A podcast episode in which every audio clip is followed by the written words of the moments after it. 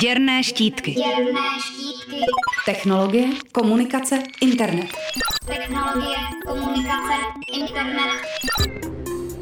Neuběhlo ani půl roku a po květnovém skandálu s údajným ovlivňováním obsahu témat na vzestupu, které severoamerickým uživatelům Facebook zobrazuje, je tu další.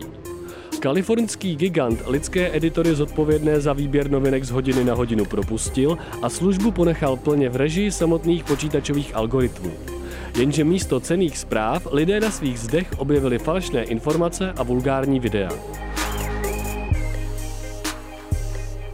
Trending Topics, jak se anglicky služba jmenuje, Facebook spustil už v roce 2014 a dnes má na zdích Američanů podobu rámečku v pravém horním rohu, kde se zobrazují populární témata a hashtagy. Umělou inteligenci zodpovědnou za jejich vybírání ještě do předminulého týdne doplňovali editoři, kteří mohli jednotlivá témata přidávat nebo naopak mazat. Facebook kvůli tomu nedávno čelil kritice, která jej osočovala z upřednostňování konkrétních názorových proudů.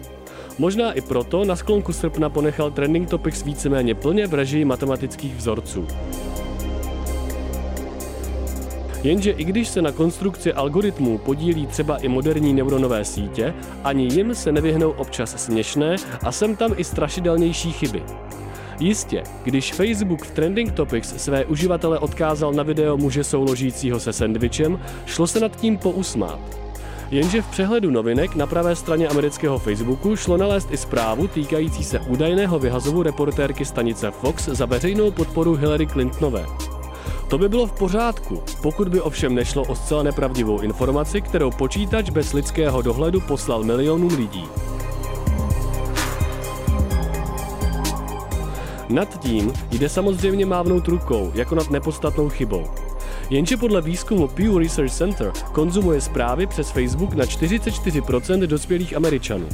Dá se sice předpokládat, že většina z nich tak činí skrze hlavní zeď příspěvků, ale to je přesně důvod, proč by se měl Facebook o trending topics zajímat.